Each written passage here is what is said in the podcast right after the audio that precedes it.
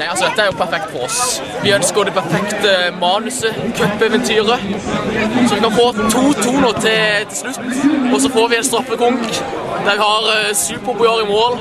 Redder to og avgjør til slutt med å skåre.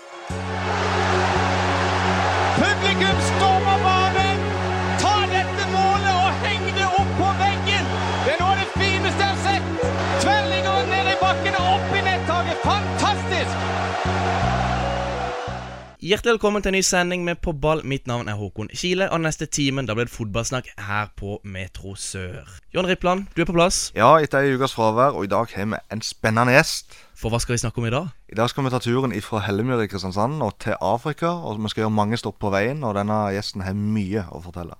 For ukens gjest han har vært eh, innom studio før, og han har alltid masse prosjekter på gang. Han er engasjert i Vigør og følger Start tett. Hjertelig velkommen tilbake i studio, Mathias Larsen Avjord. Tusen takk for det, Håkon. Eh, Veldig gøy å være her igjen. Jeg må si Dere, dere er flinke gutter som klarer å, klarer å holde det gående. Det, det er virkelig imponerende. Jeg hadde jo ikke trodd det når jeg var her på episode 8. Nå er det vel episode 44. Så gøy å se at jeg klarer å holde gående og skape, og skape litt engasjement og trøkk. Så neste gang jeg er med, så regner jeg med det er en livesending, nesten. Så sånn der holder det gående nå, gutter. Vi får se, vi får se. Men Mathias, det er ikke bare Vigør og Start du følger tett med på, for eh, du holder også med et lag i England. Ja, i England, eller generelt sett, så er det Leeds United som står hjertet tettest. Og Leeds de spilte nå nettopp en kamp mot eh, Derby. De spilte 2-2 mot Derby i, i går, så eh, ja Men holder det til playoff-plass? Etter mine beregninger så gjør de ikke det. De er nødt til å vinne 10 av de siste 13 eh, kampene, og skal, skal de klare det. Og eh, nå har de ikke vunnet på noen av de siste ti kampene de har spilt, så det skal mye til det. Men nå har det kommet et trenerbytte, og de har Det er for han dansken har blitt sparka.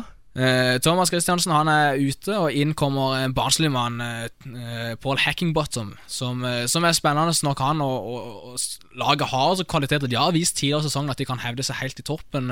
De har noen enkeltspillere som er helt oppe og toucher, altså på, godt på Premier League-nivå. Så, så det er muligheter, men det skal mye til. De er avhengig av flyt og, og flaks og litt av hvert. Og apropos Leeds, så ser jeg vi har fått et lytterspørsmål fra vår tidligere gjest Erik André Ingebrigtsen. Og han spør hvordan opprettholdes lidenskapen for Leeds år etter år etter år etter år?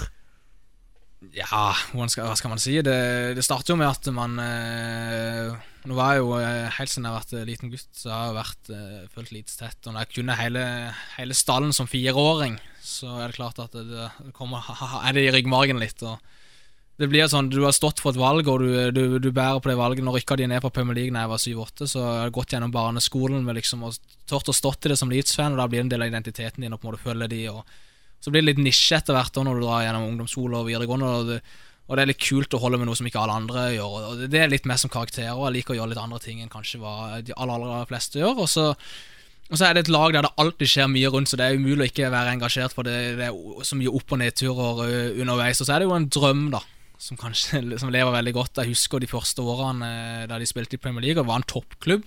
Og det var det jeg trodde jeg gikk til når jeg var liten, liten gutt. Men eh, det er jo en drøm om å komme tilbake der som står, står høyest, og så er det så mye å være stolt over i forhold til klubbtradisjoner og fans og alt mulig sånn som gjør at det er vanskelig å legge vekk eh, Leeds United. Vi skal høre mer fra Mathias Larsen Navjord når vi er tilbake rett etter pausen, for da blir det snakk om vigør. Hva syns du om at du må farge huset ditt eh, brunt etter kampen? Nei, altså, brun er mye fine brunfarger. Så eh, problemet blir hvis jeg skal male det sjøl, så jeg må se om jeg kan få litt hjelp. Så jeg krever at alle lagkameratene mine skal hjelpe til hvis vi ikke klarer å slå ut Vigør. Det er bra. Jeg tror vi vinner, men eh, Vigør har noen gode spillere. Hjelper dere hvis eh, Benjamin må farge huset gult også, eller? Ja, det syns jeg. Så det på Twitter. Og det regner jeg med han står for. Spørsmålet er bare har han, har han et hus? ja, det er vi. Ukens eh, gjest er altså Mathias Larsen Navjord. Og vi går rett i gang eh, med et nytt lytterspørsmål, Mathias. Bendik Egeland, keeper i Vigør, han spør Kan Mathias fortelle litt om Ole Erik Martinsen og Rolf Sagen. For de har du hatt som trener, har du ikke det? Jo, eh, siden jeg var eh, 13, så, eh, så hadde jeg både Ole Erik og, og, og Rolf som trenere. eh, Eller Roffe, som vi likte å kalle han da. Det var eh, ja, det er to, eh, to helt fantastiske trenere, og spesielt eh, Roffe eh, var jo en trener som, som virkelig har utvikla mange mange gode spillere. Det har jo for så vidt Ole Erik òg, men, eh, men eh, Roffe er en helt spesiell karakter som eh, som er utrolig god på detaljer på, på treningsfeltet. Og når han liksom går inn i noe, så er det en vanvittig gjennomføringskraft. da Eh, Han, er, han driver med curling nå, nå. Han er vel nesten i norgestoppen Og Plutselig nå har han engasjert seg, og det, og det er litt roffe, da. Han, han kunne liksom drømme på nettene om hvilke, hvilke type øvelser han skulle ha på formiddagen dagen etter med oss, og hadde et skikkelig gjennomført program da, og, og utvikla veldig mange gode spillere. Vi spilte fantastisk fotball, og vi ja, Nei, jeg har ingen vonde ord å si om han. Var Ole Erik eh, lik? Ja, men på en annen måte. Ole Erik var mer Han var dyktig på det mentale, da. Og, eh, og han også hadde en konkret spillestil. Roffe var nok bedre på øvelser og plukke på liksom detaljer i spillet som du burde blitt bedre på. Mens eh, Ole var mer den der lagfølelsen og, og, og mentaliteten som, som sto høyt. da der, der var han et unikum, altså. Burde eh, noen av disse vært i Start? Vi ser at Ole Erik, Ole i dag er i Stabæk og, og, fungerer litt som speider for de, eh, virker det som. Eh, hvis du hører på f.eks. Lars Jørgen Salvesen og eh, Tobias Christensen, som sier de det samme som alle andre som har hatt de, at dette er trenere som burde vært hands on på eh, På ungdomsfotballen eh, på Sørlandet, og kanskje, kanskje i Start. eh, kanskje på i, eh, i form av noe kretslag eller noe sånt noe, men, men disse burde vært hands on, og det er det ikke i dag. Og det, det er synd for alle som er glad i Hvis Start en drøm hadde skjedd for fem år siden, tror du kanskje det kunne vært mer aktuelt med et samarbeid da? Ja, kan aldri si aldri, men eh, som jeg kjenner de to, eh, så er det to som har eh, Som har hatt episoder med Start tidligere som gjør at de syns det, det, det er vanskelig å samarbeide med de Men det er klart når det kommer nye koster inn, så er jo alt mulig. Eh, men eh, Roffe, eller eh, Rolf Sagen, har jo toucha innom at han vil ha et FK Kristiansand, da.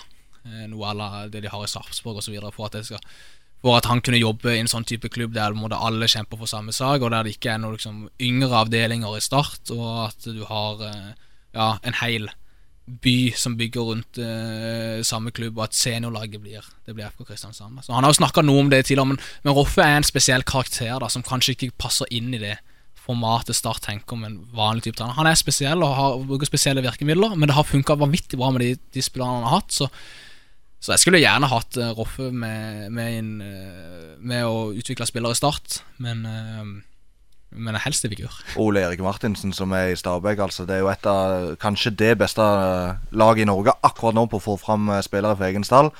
Og det at han er involvert der, det Ja, han er nok med på å, å gjøre noe rett der, tenker jeg. Absolutt. Og, men Mathias, eh, for å se på din eh, spillerkarriere da i Vigør, har du et beste minne, eller er det såpass mange at det er vanskelig å, å velge ett? Du, det, det er mange. Det har vært, har vært med i mange år. Men det er jo selvfølgelig noen som stikker seg mer uten det andre. Det var Blant annet så har jeg vært heldig og spilt på et fantastisk juniorlag Når jeg var førsteårs junior. Som, eh, det stikker seg veldig ut. Vi hadde Jeg var langt ifra en av de beste spillerne på laget. I hvert fall ikke med beina, kanskje god med munnen, men uh, utover det så hadde jeg klare begrensninger på banen. Men vi hadde men det å få lov å spille på et sånt lag der vi spilte så fantastisk bra sammen Vi hadde vanvittig gode spillere og vanvittig bra moral i laget, og vi var på en måte på et cupeventyr som vi kunne nesten gått hele veien. For å nevne noen navn som var med der, for folk som er glad i sørlandsfotballen, så var det eh, Ja, det er jo Lars Jørgen Salvesen og Benjamin Bojar og Erlend Segberg, som alle tre er i start nå.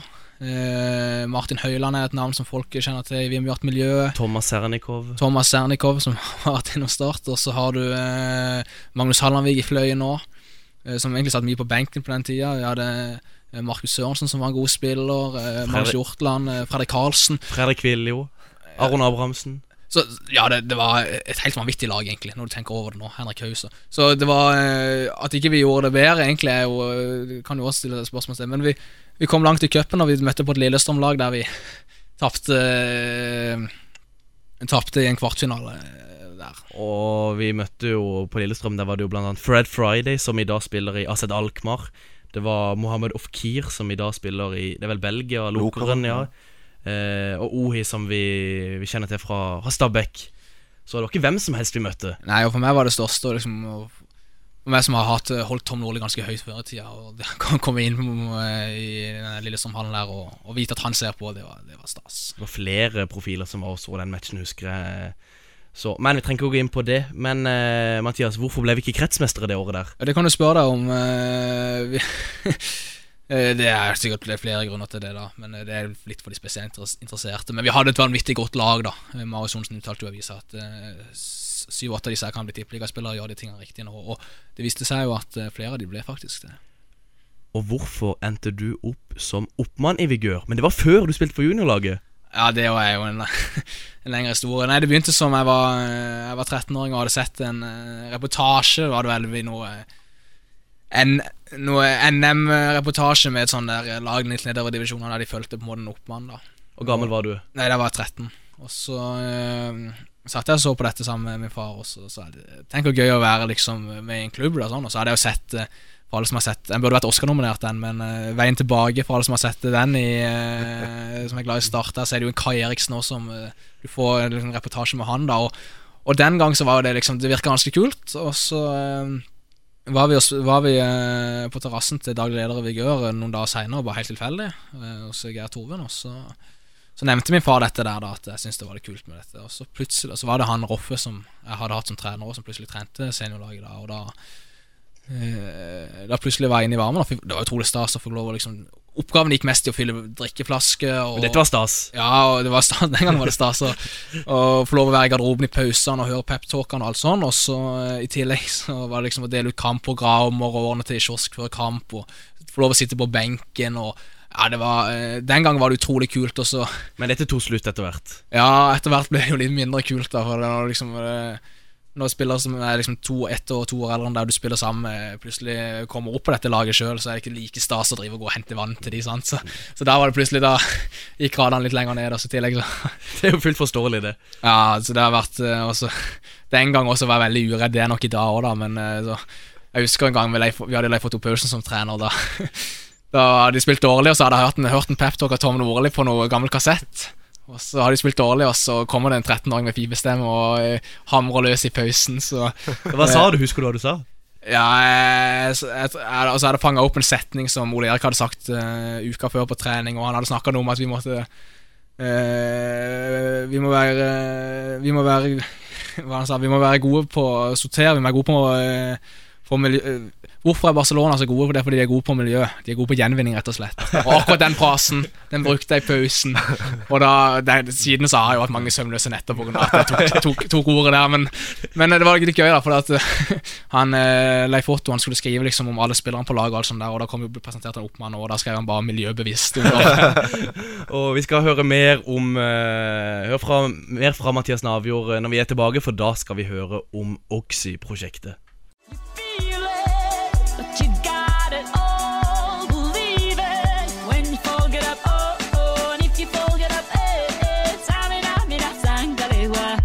This is Africa. Vigør de har i dag et eh, samarbeid med Oxy. Og hva er egentlig Oxy, Mathias? Du, Oxy det er en eh, organisasjon og fotballklubb som, eh, som hører til i, i, Nairobi, Kenya. Og du var en av initiativtakerne til dette samarbeidet. Og hvordan kom du egentlig på denne ideen? Du, det mm, jeg har vært eh, på folkehøyskole på eh, Sagvold folkehøyskole, og der var jeg med på en reiselinje der vi reiste ned til nettopp eh, Nairobi og, og Kenya. Og da eh, var han som driver den organisasjonen, han var, vi var på reise med han i fem uker. Og det å på en måte Første, det å se first hand da eh, Matareslummen og, og, og, bli kjent med, med barn og ungdommene der. Og når du ser det med, med egne øyne, så, så er det, måte, det griper deg litt. da Og Men, da og da eh, Å se hvor mye fotball betyr for dem, og hvor lite som skal til, da. Eh, da kjente jeg det veldig på kroppen sjøl, for fotball har betydd mye for meg òg i oppveksten og vært en del av min identitet og det jeg har drevet med. Så når, eh, når jeg hadde hatt den historien jeg har hatt i Vigør, som du har nevnt tidligere, her har vært oppmann og vært rundt i klubben og kjenner veldig mange, så følte jeg bare det skulle mangle å komme med et forslag hjemme. Men dette er jo ikke noe som bare skjer over natta? Et sånt samarbeid, følte du at dette her faktisk kunne være realistisk? Ja, når jeg var i, i Kenya og Nairobi, så ja, etter hvert så reiste vi videre. Men da det før vi reiste til Kenya, så hadde jeg valgt med å ta med meg en Leeds-drakt. Det, det tenkte jeg skulle gitt et barn der, og, og, og en vigørvimpel. Jeg vet ikke hvorfor jeg tok med det, men jeg hadde, hadde lyst til å gjøre Og jeg tenkte den må jeg gi til noen. Uh, og så endte det opp med at jeg ga det til han, han lederen her, han som heter James uh, Whitehaka. Og da sa jeg det at jeg kan ikke love noe, men jeg skal snakke med klubben hjemme og se hva vi kan få til. Og hva sa Vigør? Nei, så, så, ble det en prosess, da. Så var jeg hjemom, og så lufta jeg litt tanker. Først hjemme med familien, og så lufta jeg det litt med, med, med daglig leder i klubben, Geir Torvund. Og eh, en som, andre, andre som har vært aktiv i klubben lenge, Helge Konradsen. Og så, eh, Så sa de dette hørtes spennende ut. Det kom en presentasjon når vi hadde dratt på, eh, på styretur til, til Farsund om må, en måneds tid til. da Og da la jeg det fram for eh, fullt styre, og en skikkelig presentasjon. Da hadde jeg forberedt meg godt over da. Og så ble det enstemmig vedtatt seinere på et styremøte. Der, det var, der var ikke jeg aktiv da, men at dette ville de være med på. Og det er sånn at uh, det er ikke kun gaver og penger Vigør skal, og utstyr som Vigør skal bidra med, det er også noe med identiteten å gjøre, er det så? Ja, det er kanskje det viktigste for min del. Uh, så handler det ikke Det, det handler ikke bare om å, å drive og gi, gi utstyr, selv om det òg har, har, har en kraft, da, men, men det forholdet mellom klubbene, da. Eh, Og at på en måte når du er vokst opp i Vigør, så skal du på en måte være stolt av at vi har faktisk et samarbeid med noen på, på andre sida av jorda. Det, det, skal, det er jo ganske kult, eh, egentlig. Og det at vi vil ha for eksempel på Vi har en FFO på i Vigør, der prøver vi å få opp en, for en brevvennordning. Og så har vi lyst til å ha liksom litt vennelag etter hvert, og, og, og, og mange ulike muligheter, da. Og nå er du i full gang eh, med å lage en dokumentarfilm. Da går det an å se litt hvordan eh, det ser ut der nede.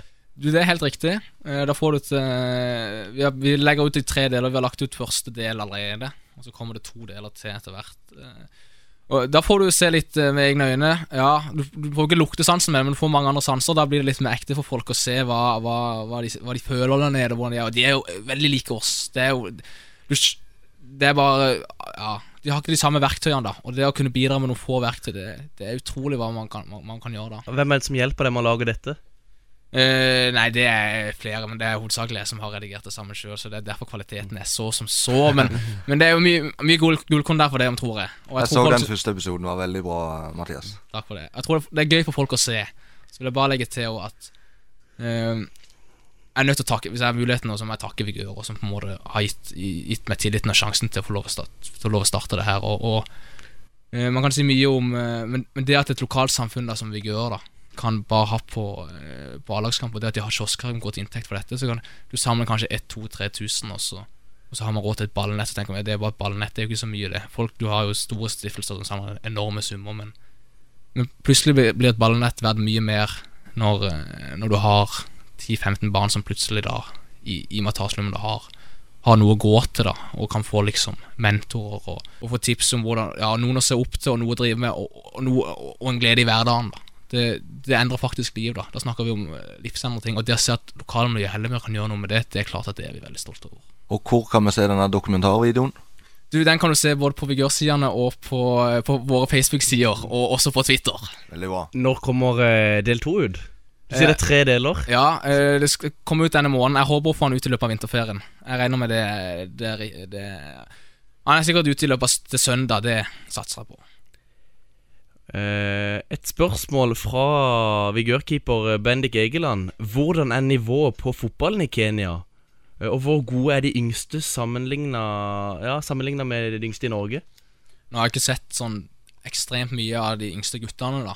Har sett, de har jo en del jentelag òg, og det er litt unikt med, med Oxy da, i forhold til andre lag. Og, og, og det handler litt om at eh, spesielt kvinner da, og jenter har eh, veldig vanskelige eh, oppvekstvilkår eh, i, i Kenya. Og, og, og, og, for de å få hjelp da og, og få noe glede over, det betyr ekstra mye. Og der har de jo faktisk syv av de spillerne som er i Oxy, eller seks eller syv av de er jo faktisk landslagsspillere på det kenyanske kvinnelandslaget. Hvor bra det er, det er tvilsomt. Men, men allikevel, de er, på, de er på landslaget, da. Og, eh, men de unge guttene Jeg har spilt litt, men da har jeg spilt med, med sånn plastball. da Det er vanvittig kondisjon og, og, og teknikk. Og du, du undrer deg jo bare Hvis de hadde bare fått de samme rammebetingelsene, hvor gode hadde de blitt da? Eh, og dette miljøet her, og fotball, er vanvittig stort i Kenya. Det, hvis du ser på lastebiler og alt sånt der, så er det enten det er jo Allah eller Gud de skal hylle, eller så er det et eller annet fotballag. Det er Liverpool eller Balotelli eller enkeltspillere eller Manchester United eller noe sånt. Noe. Så, så disse, spiller, disse spillerne de er, de er skikkelig De er lovende, og vi har jo én spiller som har slått gjennom i Premier League, som er fra det området. Vanyama Wanyama. Victor Wanyama. Han òg kjenner jo til dette prosjektet. Og, eh, så det viser jo da at det er mulig. Vi har sett Matara United, som er en annen Meister, som er en annen organisasjon som det har skjedd litt av hvert med, og, eh, som har gjort det bra i Norway Cup igjennom. Så det, at det er kvalitet på spillerne, det kan jeg garantere deg. Så ingenting er umulig. Alt som kreves her, er i hvert fall et eh, engasjert Hellemyr, Tinea og Grim, så kan utrolige ting skje.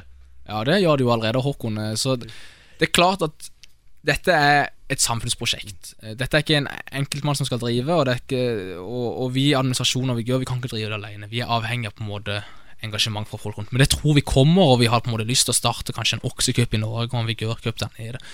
Dette handler om drømmer, da. Drømmer og visjoner. Og hvis vi kan få i gang noe av dette her på Hellemyr, så har vi skikkelig skikkelig troa på det. Vi hadde jo, bare ta det helt på slutten her òg, vi, eh, vi hadde jo en åpningsfest òg. Som ble veldig vellykka. Og det viser jo at folk bryr seg. Da hadde vi mange gamle tidligere vigørlegender som kom og spilte kamp. Segberg var med, Salvesen var med, eh, eh, Lund var med, og Marius Johnsen og, og, og, og Rune Nilsen. Skikkelig ja, navn som på en måte er kjent i strøket. Og det å se at 200-300 folk kommer da, det er jo kjempestas. Det viser at folk har lyst til å, til å bygge noe unikt, og det er det vi prøver på. Det er jo drømmetreff. Blåser den liksom opp i Bøyer den opp i krysset. Alle jubla, hele stadion, hele benken, og jeg bare titter bort på linjemannen. Så står det en og feirer 17. mai på linja. Jeg tror jeg har sett det målet 100 ganger. Det er ikke offside. Ikke også det. Jeg ser det her nå. Fy faen, altså. Vi må snakke litt om kamper som har eh, blitt spilt. Forrige fredag, John, da var vi i Sørlandshallen. Det må jo kalles fotballfredag, det. Det var jo kamp etter kamp etter kamp ute i Sørlandshallen der. En skikkelig helaften. Absolutt. Veldig gøy. Start Arendal 5-0. 5-0. Er, det- er det en 5-0-kamp? Eh, Ikke i første omgang, i hvert fall. Da var det, synes jeg det var jevnspilt, og jeg syns egentlig Arendal gjorde en god figur. Men det var nok kanskje Start som, som var litt svake. De spilte ukjent formasjon og brukte mange reserver, men så la de om til 4-3-3, og jeg syns må sies å være imponerende det de gjorde i andre omgang der. Eh, med, du ser at de har et ekstra gir i forhold til i fjor, og divisjonsforskjellen ble større enn det han ville vært på samme tid i fjor. Men kledde Start det å spille 3-4-3 i Nei, eh, ikke sånn som de spilte på, på fredag. Det gjorde de ikke. Jeg, jeg syns kanskje de har spillere til det. Hvis alle er friske, så kan det gå, men, men 4-3-3 er nok det mest naturlige. noen som utmerker seg hos eh, Start? Eh, Jeg syns Hadzic gjorde en av sine, sine bedre kamper. Og, og I andre omgang så gjør jo Elliot Kjekk en veldig god omgang. Han spiller jo venstreback og er involvert i to-tre mål. Eh, og så er det jo langskuddene til Schum og Kabran er jo veldig bra. Og så at Lars Jørgen Salvesen får to mål, er jo utrolig gøy for alle som bryr seg om Start. Skal vi gå videre til kampen som ble spilt klokka syv? Mhm. Fløy mot Randesund. Ja, eh, der syns jeg jo Randesund gjør en veldig bra figur. Eh, Fløy viser jo at de, de har noe på gang, men, men at det blir 3-1 der, er jo ikke noe sånt som skremmer vann av, av motstanderen i andre divisjon. To nykommere skårer for Fløy. Ja, eh, Jakob Toft og Lasse Sigurdsen, som er ja, på, på lån. Ja, det er jo godt for, for Lasse å få åpna målkontoen i Fløy òg. Men, men jeg syns Randesund står den kampen veldig godt ut, og de, de kommer med en kampplan eh, som står godt til Fløy. At eh, Fløy vil presse høyt, mens Randesund de slår litt langt i bakrom. Og, og det er jo et par spillere på Randesund som, som viser seg godt fram. Ja, for, for Randesund så er det Eirik Ranneberg Nilsen, også kalt Eika, som skårte. Vi får se da om det er han som skal skyte Randesund og Frode Fredriksen til toppen av av fjerdedivisjon avdeling 11. Det skal bli spennende. Jeg syns uansett det var, det var gøy å få se Ril under nye trenere. Det, det var ikke så ulikt fra i fjor, kanskje, det med det lille vi så av Randesund. Men, men at de kan heve seg litt i år, det, det har jeg tro på. Magnus Hallandvik skårer det siste for uh, Fløy.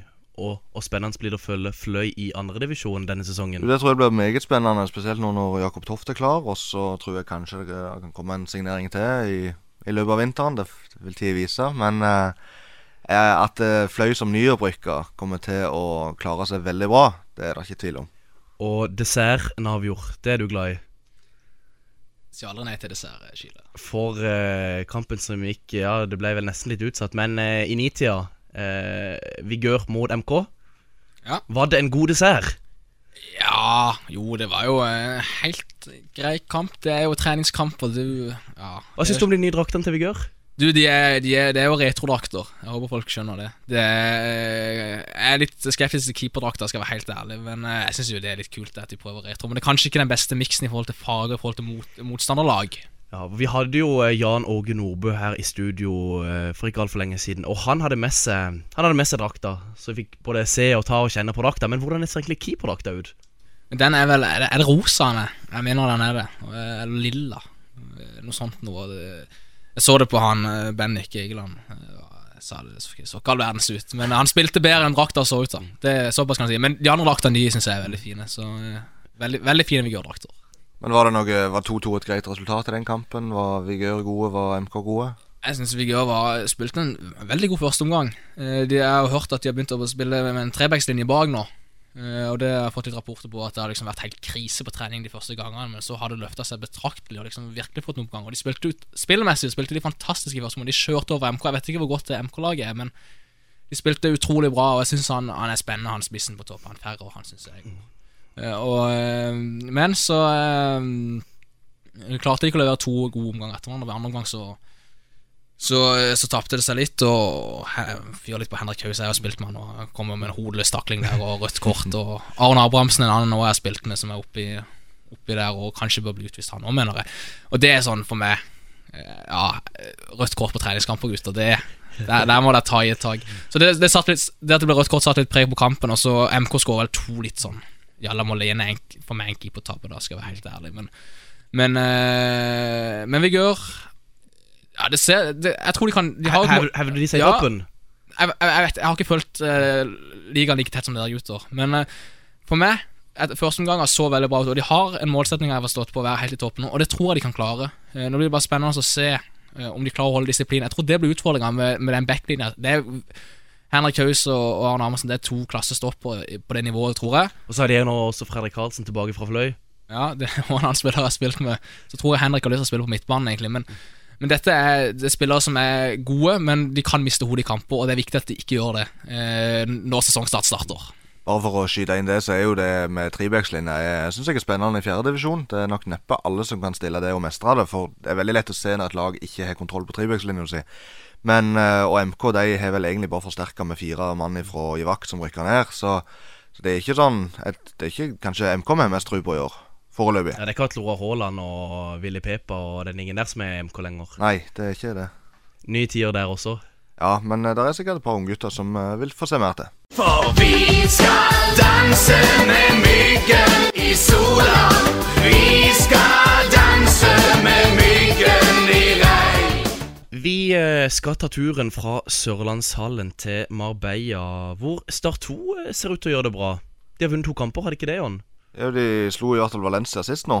Og, Le Levante, tror jeg. og Levante, så det er jo to lag fra Valencia der. Og det er klart Spanjola kan talentutvikling. Eh, vi vet jo ikke hvilke lag de stilte med i forhold til sine beste og sånt, men, men at Start reiser ned der og vinner to kamper, det legges merke til. Jeg kan si at det gror godt, og Sindre Osestad han eh, har vel skåret i begge kampene, så Det er jo en spiller som sto litt fram i, i tredjedivisjon i fjor. Eh, kanskje, og vi så jo ikke så mye tredjedivisjon. Kanskje vi må bli med Tor Henrik Stensland på en sånn andrelagsmandag? Nei, eh. Ja, for eh, selv om Start 2 skal på en måte være en slags utviklingsarena, så allikevel litt nysgjerrig. Og godt kan Start 2 hevde seg i, i tredjedivisjon. Nå begynte de jo ekstremt eh, bra i fjor, og, og lå jo nesten i toppen. Og så ramla det litt sammen på slutten, som kanskje forventa. Eh, jeg tror nok de, de får ikke den der gode starten i år, at de, for det ga de jo litt ro og, og sånt. De kunne spille sånn som to lag gjør. Så nå skal de spille mot Don, Vindbjart, eh, Pors, Sola, Eik 2 Brodd, ja. og Madla. Og vi, du kjenner jo en i Madla, Mathias. En du har spilt med før. Adi Dukic. Han spiller i Madla. Ja, Adi han er spennende, sånn. Han, eh, jeg vet ikke hvilket nivå han er på nå lenger, men eh, den gang så var han, eh, var han veldig vass. Hellemyrs eh, svar på Slatko Tripic, en mann vi skal snakke om senere i sendinga. Men jeg tror vi går videre til eh, A-laget til Start, som spilte mot Ålesund. Det var jo for de som så den kampen der eh, en merkelig opplevelse, vil jeg si. Når du sitter hjemme og ser i den kameravinkelen der. Det føltes som du sto på sidelinja. Var det bare jeg som holdt på å sovne? Nei, altså Jeg, må, jeg tenkte jeg burde se den siden jeg ble invitert som gjest her òg, men jeg måtte se den i to bolker. Jeg måtte ha en times pause underveis, ja. skal være helt ærlig. Det er jo litt bekymringsverdig når det liksom nærmer seg Det er to og en halv, nesten bare to uker til seriestart, og det er så kjedelig. Ålesund er jo et lag som skal være sånn jevnt med start, så det er ikke noe å si på at kampen var jevn. Men, men hva var det Start skapte? Et frispark for Tobias Christensen og en heading for André Tryggvason? Noen som eh, får godkjent? Ja, altså Forsvaret får jo godkjent. Eh, Jeg både tenkte det sjøl, og jeg hørte de sa det på FVN-sending etterpå, at det, det var jo liksom veldig solid defensivt. Eirik Vikne ble trukket fram som en av de beste. Damien Lowe syns jeg begynner å se bra ut. Han er veldig bra når han forstår å angripe ballen, Damien Lowe. Mens når det liksom skjer litt kjappe ting eh, langs bakken rundt han, så er jeg litt mer skeptisk. Men, men han ser i grunnen ganske bra ut. Er du enig, Mathias? Ja, Jeg syns begge de to Vikne og Love spilte en eh, Gode kamper. Og så er det jo en mann til på midtbanen. altså Jeg kommer til å snakke mye om han i år. eh, Aremu Afes. Eller Afes Aremu. Jeg tror det er Aremu Afesia, som Aremu du sa Afes. først. Ja, han Jeg syns kanskje ikke at det var den beste kampen hans i går, men han var allikevel veldig god. Han, han gjør egentlig akkurat som han vil. Han, han er tidlig oppe i situasjonene og, og leser spillet bra. Mathias? Ja, jeg må si Jeg, jeg synes Uh, Nå har jeg sett noen andre klipp fra han Og han, han viser tidvis at han har mye bra med seg, men jeg, jeg syns ikke han var den sterkeste i går. Men, men deilig å se. Han har en takling i andre omgang, jeg vet ikke om vi skal snakke noe om det, men eh, som liksom lukter litt svidd av, da. Og det viser at han har litt den der F-en i seg òg, som, som jeg tror Start trenger. Men vi skal snakke om overganger senere, tror jeg. Men eh, jeg savner jo en lederskikkelse på midtbanen, en litt eldre enn der. Det er klart, eh, taklinga de, de var ute og meldte litt til hverandre, både Start og Ålesund-spilleren. For Tobias Christensen kasta seg jo inn i en voldsom takling, han òg, altså. Eh, og for de som kjenner han, så vet ikke om det var overraskende eller hva det var, men litt unødvendige treningskamper, kanskje. Mathias, du har spilt med Tobias Christensen på Løkka på Helvin for gøy, du, har du ikke det? Spilte mange ganger med Tobias, og det, det er ikke overraskende at han gjør det. Og det har nok noe med at det har bygd seg opp litt på forhånd òg. Han, han blir bedre når spillerne rundt han er tent og skal ta han, for da selger de seg mer òg. Han er en fintekniker, og han har den roen, han blir ikke stressa av det. Og Derfor når han tirrer de opp, så, og så gir han Det er litt Tobias òg, og litt unikt med han. Han gir F Det som, var mest overraskende, det som var mest overraskende med den situasjonen, var kanskje at Tobias hadde et litt sånn dårlig touch i forkant av den taklingen, så han måtte rette det opp. Og det er jo uvant å se for det holdet der. Så Men det som er gøy, litt gøy å se da med disse ungguttene der, og det tenkte jeg litt over i går når jeg så, når jeg så kampen, at jeg tror skal Start lykkes i Eliteserien, så trenger de en klar identitet. Og det at de kan være litt sånn der tøffe å møte, og, og, og en trøkk og den der viljen, at det kan bli litt det der At det sånn laget ser ut, det, det har jeg veldig troa på. Ja, derfor, og det blir jo litt eh, Det blir veldig spennende å se videre nå, men, men deilig med litt temperatur i kampen, for det var jo ikke mye annet eh, å, å plukke med seg. Nei, og du får kanskje litt sånn 2005-vibber av uh, kjappe bein på midtbanen og tenningsnivå og 4-3-3. høyt tempo. 4-3-3. 4-3-3. Ja, du gjør jo det.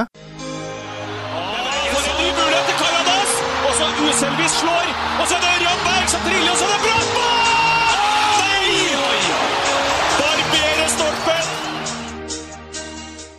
Christian Floki Finnbogason og Kevin Cabran eh, De spilte ikke fordi de hadde vondt under beinet.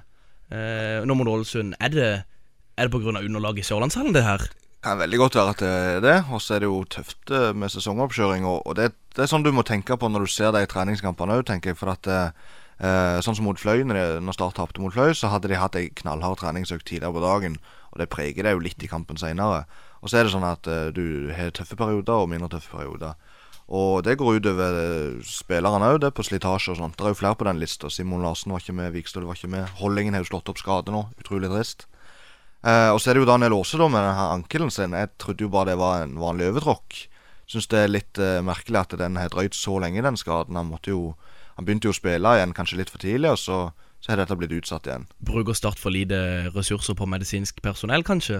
Altså For min del så er jeg jo mest opptatt av å se hvem som er på Forholde meg opptatt på spillerstall, og, og kanskje hvem som er trener i klubben. Sånn, så, så hvor mange de har, og hvem de har som er i det medisinske apparatet, vet jeg ikke. Men, men at det er en prioritering de bør gjøre hvis ikke Hvis de ikke har gjort det, da, så er det absolutt å, å, at det skal være nok støtteapparat til å behandle skader. altså.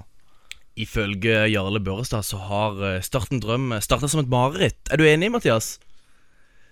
Det, det er jo ikke helt enig i. Jeg er ikke det. De, de første målet var jo å rykke opp, og det har de jo klart. Så eh, Jarle han, han skaper litt blest nå, og det er litt gøy. Og han har, jeg synes ikke jeg ser jo, Du kan jo gå gjennom det poeng for poeng her, men eh, han, han bommer ikke helt, men allikevel gjør han det. For det, er på en måte Det er før sesongstart, og, og vi har knapt sett det. Og du kan liksom ikke ta utgangspunkt i For alle som har fulgt med fotballen en god del år, vet at uh, treningskamper er, det er vanskelig å bli for klok på de. Og at de har handla inn en eh, gjeng med juniorspillere med potensial. eh, hva skal vi si? Nei, jeg er veldig for faktisk at det helles litt kaldt vann i årene. For uh, dette her prosjektet har vi jo ikke sett i Eliteserien ennå. Men uh, for min del så må du jo tolke treningskampene uh, etter det du kan. Og jeg syns jo Start har kommet langt. jeg. Nå har de riktignok ikke resultatene vært så gode, men de spilte Sandefjord av banen i en kamp. De var veldig bra mot Arendal, riktignok med en del reserver, og Arendal hadde mange skader. Men det som skiller mest for i fjor, er tempoet i Start. De har ett eller to gir mer enn det de hadde i fjor i førstedivisjon. Det, det er jeg helt overbevist om. Og det kommer til å gå fort når de skal spille i Eliteserien. Eh, det med at Jarle Børrestad skriver denne teksten her, det er litt sånn Det er nok for å provosere, så vi skal ikke plukke det helt ifra hverandre. Men det handler jo litt om at han er veldig tydelig sjøl på hva slags fotball han foretrekker, og han er et produkt av Drillo. Eh, og han har spilt med rykka opp med Don, og de spilte Han har snakket mye om den fotballen der. Publaget Don. Ja, men eh, det er liksom Det er Drillo-fotball da som er hans Litt satt på spissen, hans foretrukne fotball. da Resultatorientert. Ja, så bare fordi om Start ikke velger den fotballen der, så trenger ikke han å være misfornøyd. Det er mange veier til rom. Ja, Mathias. Ja, han mener vel at, at laget ikke er godt nok per dags dato til å spille den fotballen de gjør. da og at, eh, Men Starten Drøm, så vidt jeg har forstått, så er det et langtidsprosjekt. Og når, og når du skal ha et langtidsprosjekt, så har jeg veldig troa på å hente inn unge, spennende spillere. Men det er klart du må prøve å ha en miks der. Noe av det viktigste med Starten Drøm er jo at klubben skal kunne drive seg sjøl uten de her eksterne midlene på sikt. Og da er du avhengig av spillersalg. Eh, I tillegg til at laget ikke er godt nok. Det vet vi ikke helt ennå, vil jeg si. Eh, Men jeg tror at det er ganske Ja, satt litt på spissen. Tror det er ganske enkelt å slå seg opp i Eliteserien nå. Det er mange lag som gjør ikke gjør ting så veldig bra, og hvis Start gjør et par enkle grep, så, så kan de fint slå seg opp i Eliteserien. Og jeg er helt overbevist om at det laget de har i dag, er ikke det laget de avslutter sesongen med. Det kommer garantert forsterkninger, og det er litt eh, Jarle skriver òg, hvis jeg legger merke til det. Det er klart Mm. Teksten kan provosere mange, men per dags dato eh, Men, men jeg, jeg ser jo litt hva han mener med Det er klart at hvis du skal ha en sånn spillestil som du har nå, og spille tre på midten Jeg sliter litt med å se for meg hvem de tre skal være. Det er vel han Afesta og han Shum Og hvor god er han egentlig? Det, er, det vet vi ikke ennå, for vi har bare sett noen treningskamper. Og så mener jeg, jeg som kjenner Tobias litt òg, jeg mener han er, B, han er egentlig god når han er på siste tredjedel. Og han er veldig god når han har mann i rygg òg. Så jeg vet ikke hvor god han er som indreløper, og det er jeg jo litt usikker på om det er rett sted å bruke han. Så, så, så de trenger på en måte noen forsterkninger. Jeg kan være enig i at uh, Sjum er et større spørsmålstegn enn Afesi, i hvert fall. Og så er det nok kanskje litt av poenget til, til når han skriver den teksten, at uh, han savner de lederskikkelsene. De rutinerte spillerne. Og- det er det var jo Ja, og apropos rutinerte spillere, det skal vi snakke litt mer om senere i sendinga. Alltså der, jeg syns vi mangler litt lite eh, intensitet. At vi, vi, vi, er litt vi er der, men vi er ikke der. Altså, vi, vi er der, men vi er ikke der. Altså, vi... I uh, ukens Der, men ikke der, så skal vi Ja, vi skal snakke litt om uh, Ja, vi skal snakke om mye forskjellig. Uh, John, forbundstinget, hva skjer der? Første helg i mars så samles alle klubbene i Norge, i hvert fall de som velger å stille, og det er ganske mange som regel. Vet ikke helt hvem. Eh, men der skal det i hvert fall avgjøres, eh, eller kanskje vedtas nye lover, da. Og det er ikke lenge til? Nei, det er ikke det. Og det er mange saker. Lyngdal har annet to, men den mest interessante saken er nok kanskje for meg det, om det skal Tell me a joke. Nei, ikke flyvende bytta i, i fjerdedivisjon. Men eh, at eh, det kanskje skal bli eh, to lag som rykker ned for tredje i stedet for Er det tre eller fire som har vært nå? Og hvis det skjer, så vil det jo kanskje bare bli halvparten av lagene som rykker opp for fjerde. Så det må spilles playoff? Ja, sånn at alle vinnerne møtes i en playoff, og så Yes. Taper ett og ett rykker opp. Mathias, du har vært med på NM i straffespark. Som ble sendt på TV2 Sportskanalen. Og der fikk du TV-tid. Ja da, det er riktig, det. Og eh, ja, først eh, Åssen gikk det med dine straffespark? Nei, eh, før vi var på TV, så gikk det jo veldig bra. Men Nei, jeg gjorde det helt greit på TV òg. Den første det, Jeg har fått mye I hvert fall i, i intervju etter selve straffesparket, kanskje, men Ja, det var flere straffespark som ble sendt på TV. Vi, vi var et lag som kom oss Vi kom til kvartfinalen, og vi røyk mot de vant hele greia. Men så begynte TV-sendinga. De begynte vel Ikke åttendedelsfinalen, men kampen før der igjen. 16-delsfinalen. 16-delsfinalen, helt rett. Og, eh, og da hadde vi Vi leda vel 3-1 eller noe. Og, hadde da visste jeg scoren og så, går vi videre. Det var første TV-kamp, og du har jo Drillo og Skjelbæk og Jenny som kommenterer på sida. Så hadde vi holdt på å ryke kampen før, og da hadde jeg chippa med suksess, og den hadde gått inn. Den ble selvfølgelig ikke sendt på TV. Og da tenkte jeg at uh, Jeg var helt sikker på at vi kom til å gå videre. Vi hadde en god straffeskytter bak oss eh, etter meg i tillegg, og vi hadde en keeper som på en måte har ja, skikkelig kvalitet. da Så tenkte jeg det er TV, eh, det er gøy, folk ser på hjemme. Ja, nå tar jeg chipper. Så ble det jo en ja, en, en grusomt En meget svak chip, da. Eh, Og så Vi snakka om Rolf Sagen tidligere i dag, og som den uh, særpersonen han er, så filma han selvfølgelig dette og la det ut på Facebook-siden. så, så dette gikk jo Dette trenda jo, uh, ikke, om ikke verden over, i hvert fall på Hellemyr. Uh, og, Og, Men- du, men- og du som pleier å være en sikker straffeskytter Jeg husker jo en treningskamp mot Odd før eh, sesong, eh, sesongen med juniorlaget i 2013. Hvor du får en, eh, ta en straffe på slutten av kampen der, og Sørland skuffer ballen opp i vinkelen, er det vel? Ja, jeg lurer på om det var, var det Rossbakk i mål. Og, og Da hadde da Sjørgen skåret tre mål tidligere i kampen. Men, men jeg var foran ham på straffe, straffene, og det var forståelig, for jeg var en bedre straffeskytter enn da Sjørgen. Så enkelt var det. Uh, men uh, nei, det var uh, jeg, jeg tror egentlig jeg er god på straffer. Jeg mener jeg, jeg er det. Men, men for, de som, eh, for de som har lyst til å være med på NM i straffespark, eh, er dette noe som foregår i Oslo hvert år? Ja, De begynte med det i fjor, og nå spørs det om det blir sånne her eh, regionsfinaler og sånn. Vi, på en måte vil jeg være færrest mulig med for at vi skal kunne hevde oss igjen. For, for vi har, vi har eh, helt average spillere, men vi har en veldig god keeper som har stått i tippeligaen før, som, som kan ta mye. Hvem er det? Eh, jeg vet ikke om han har stått kamper, men han har i hvert fall vært med i Sarpsborg. Eh, Markus Stige heter han. Så, så vi vil egentlig ha færrest mulig med, men folk må bare melde seg på, altså. Eh, Mathias Larsen avgjør veien tilbake i straffesparkkonkurranse. Ja, Ivar Hoffmann sier jo det at eh, straffespark er lettere enn avspark. Så var det Tom Nordli som sa at straffesparkkonkurranse er lotto. Så her kan vel hvem som helst være med? Hvem som helst kan være med, og øh, det er bare ja, det, er for, det er jo litt gøy for folk som på en måte ikke har hatt den fotballkarrieren. De kan jo fortsatt uh, skåre fra 11 meter, og det handler jo mye om hodet og, og sånn også. Så, så det, er, jo- det er jo kjempe, kjempegøy, og det er gøy for folk som ser det på, eh, på TV òg. At det er et liv, og eh, her har du mannen i gata som eh, plutselig får TV-tid, og de bygger det opp med litt trøkk der. Og det er, det er alltid gøy med engasjement, gutter. Det vet jo dere som driver denne podkasten til vanlig. Kunne det vært noe, Jan, med å slått et eh, straffespark i eh, Oslo? Jeg hadde aldri takla det presset. Eh, Men jeg hadde jo helt selvfølgelig aldri valgt en chip heller. Nei. Men eh, Jan, vi skal til OL. Eller vil du si noe før vi går til OL, Mathias? Ja, en litt eh, drømmer om en eh, på ballredaksjon-lag som stiller til, til Oslo nå. Ja, Om vi da kan også ta med gjester, så skal du se vi får et slagkraftig lag, Mathias. Men Jan, vi skal til OL. Ja, som den lokale podkasten er, så må vi vel nevne at det er et par internasjonale utøvere som har gjort det bra, og de har selvfølgelig rø- røtter her på Sørlandet. Det første er vel Lincy Vaughan i alpin, som eh, har familie i Marnardal. Og så er det den noe utfordrende franske mannen eh, Alexis Penterot. Ja. Som har familie i Grimstad og sommerhytta og tilbrakte mye tid der. Og Ja, Men tror du Penter òg kommer til å ha sesongkort på Levermyr i 2018? eh, utelukker ingenting, men jeg garanterer i hvert fall ingenting. Er det da større sannsynlighet for at Linn Vaughan kommer til å følge med på 5. divisjon avdeling 2, hvor, Ma- hvor Marnardal blir å spille? Jeg ser jo det er en del amerikanske jenter som følger eh, på ball på Twitter, eh, men om det er litt andre grunner, det vet ikke jeg. Og Flekkefjord, de er òg på tur, er det ikke det? Ja, vel på, på tur i Spania, på treningsleir. og Tror det er Tyrkia, faktisk. Tyrkia. Flekkefjord har valgt uh, Tyrkia. Ja, det kan nok stemme. Mye bra oppdateringer på, uh, på Facebook. Ja, det skal de ha, Flekkefjord. Tommel opp der, altså. Og spilte vel en kamp mot uh, Ja, Flekkefjord mot Tomrefjord. Vet ikke hva lokalt denne. er. 3-1 til Tomrefjord ender altså den kampen. Norges lag nummer én Rune Almenning Jarstein. Nummer tre Kjetil Wæler. Nummer fem lagkaptein Brede Hangeland. Vi er kommet til spalta Drømmelag. Spalta der hvor gjesten tar med seg en elver som han har spilt med, spilt mot, eh, sett opp til. Det kan være spillere han har sett eh, live, eh, om det er på Sparebanken Sør Arena eller Ellen Road. eh, det vet jeg ikke, så hva får vi her, eh, Mathias?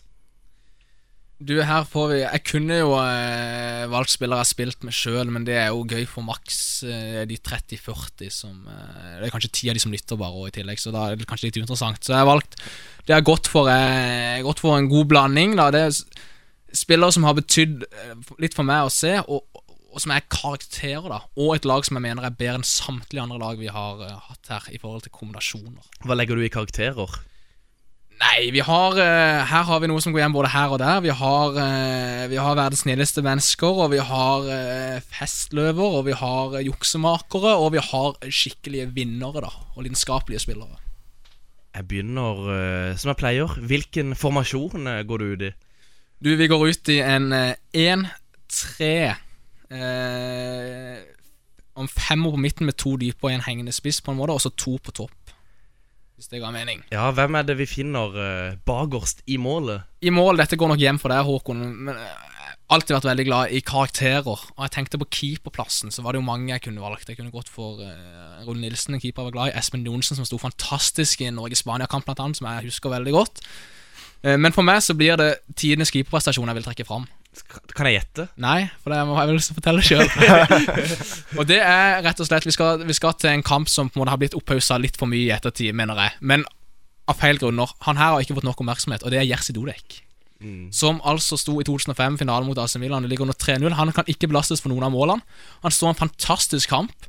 Han har noen helt sinnssyke redninger. Den ene på Sjefsjenko på en halv meter er jo helt vanvittig. Tenkte på akkurat den samme. Og, og det er sånn en redning Jeg tror aldri jeg har sett en bedre redning enn det. Det er nok litt reflekser òg, men bare det at han går og nikker til kamera etterpå, det oser klasse. Og så ser du, eh, før denne berømte straffekonken, da, så ser du han eh, Jamie Carragher prøver å snakke Nå må du være seriøs, nå må du være seriøs. Og han bare liksom flirer av seg, drikker noe Powerade der, og så drar han i gang tidenes show på straffesparkkonkurransene. Jeg, jeg husker når jeg var eh, Jeg fikk beskjed etter Det var første Champions League-finale jeg fikk lov å se hele, egentlig. Så etter første omgang så leda leda jo AC Milan 3-0, så sa min far du kan bare, du må bare gå og legge deg. Det her blir rekord. Det er ikke noe vits å se på. Og så, etter 67 minutter, så vekker han meg igjen. Du må komme og se. Og det å se Da fikk jeg jo ikke sett de tre månedene til Liverpool, men måten Dodek holdt på i den straffekonken, det var, det var helt rått. altså Det er sånne ting som du får liksom gåsehud av å snakke om det, nesten. Var, det var helt fantastisk. Så han har jeg valgt i morgen. Og du har drukket Powerade siden? Jeg har drukket Powerade siden. Han drakk den blå Poweraden, husker jeg. Jeg har mest likt den gule og hvite og lyse, men eh, jeg har av og til drukket den blå for å hylle Jazzy Dudek. Vet du hva Jazzy Dudek gjør i dag, Mathias? Du, eh, akkurat nå er jeg litt usikker, men jeg husker jo han var eh, De siste årene så var han i, i- Real Madrid der. Han er meldt overgang til motorsport. Der er du den. Ja, det og er veldig det- gøy at du tar med keeperen i når du leste opp formasjonen. Det er jo tydelig at Erik Rutvold Pedersen er inne i vigørsystemet nå. Hvem eh, finner vi på høyre bekk? Eh, altså, eller, eller var det ikke høyre? Nei, det, vi kjører en trebackslinje. Trebackslinje, ja. Og jeg må jo si at jeg ser jo Jeg har kun, eh, så vidt jeg vet, nå skal jeg bare se nøye her Jeg har eh, kun én aktiv spiller eh, på, på laget igjen, da. Og det viser en viss nostalgi her, dessverre. Eh, og han aktive han er jo burde egentlig lagt opp for lengst, han òg. Eh, men han, han jeg har på høyre bakspiller de tre har i forsvar for meg er forsvaret, Det viktigste med forsvaret Det er lederskikkelser, og de skal liksom utvise en ro. da De skal ikke miste temperamentet, som vi var inne på tidligere i podkastene. og de tre jeg har her, er jo verdens snilleste gutter, alle tre. Alle tre kunne vært fredsmeglere for FN, mener jeg, og alle tre er klare ledertyper. Ja, jeg jeg er spent, merker Ja. Første mann, og det er jo litt nostalgi Jeg er glad i historie, og jeg har dessverre aldri sett han live. Jeg var for ung for å ha sett han, og det er Andres Escobar. Eh, Ja. Eh, og dette var en spiller jeg fikk øynene opp for eh, lenge før den berømte Narcos-serien. Eh, for alle som er glad i, eh, i den serien, så anbefaler jeg en fantastisk dokumentar som heter The Two Escobars av 30 for 30 ESPN, der du får eh, han var en fantastisk god uh, midtstopper for Colombia. Et Colombia-lag som kanskje kunne vunnet VM i, uh, i 94. Pelé sa de var favoritter til å vinne. De hadde knust Argentina i oppkjøringa. Han var helt enorm som forsvarsspiller. Han, var, han skulle gå til Milan etter, etter eh, turneringa. Han skårer dette berømte selvmålet for Colombia, som gjør at det faktisk Som utløser faktisk at bettingfolk dreper han eh, en måned senere. Men en fantastisk spiller og en fantastisk ledertype, og en som har samla Colombia. Han har gjort det motsatte av den andre. Jeg skal bare splitte det. Han har rett og slett samla dem, og det er spillere vi liker å ha med på dette laget.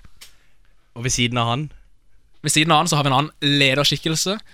En mann som jeg mener Det er den beste spilleren jeg har sett eh, spille på Sparebanken Sør Arena. Den beste spilleren jeg har sett spille på Kristiansand stadion.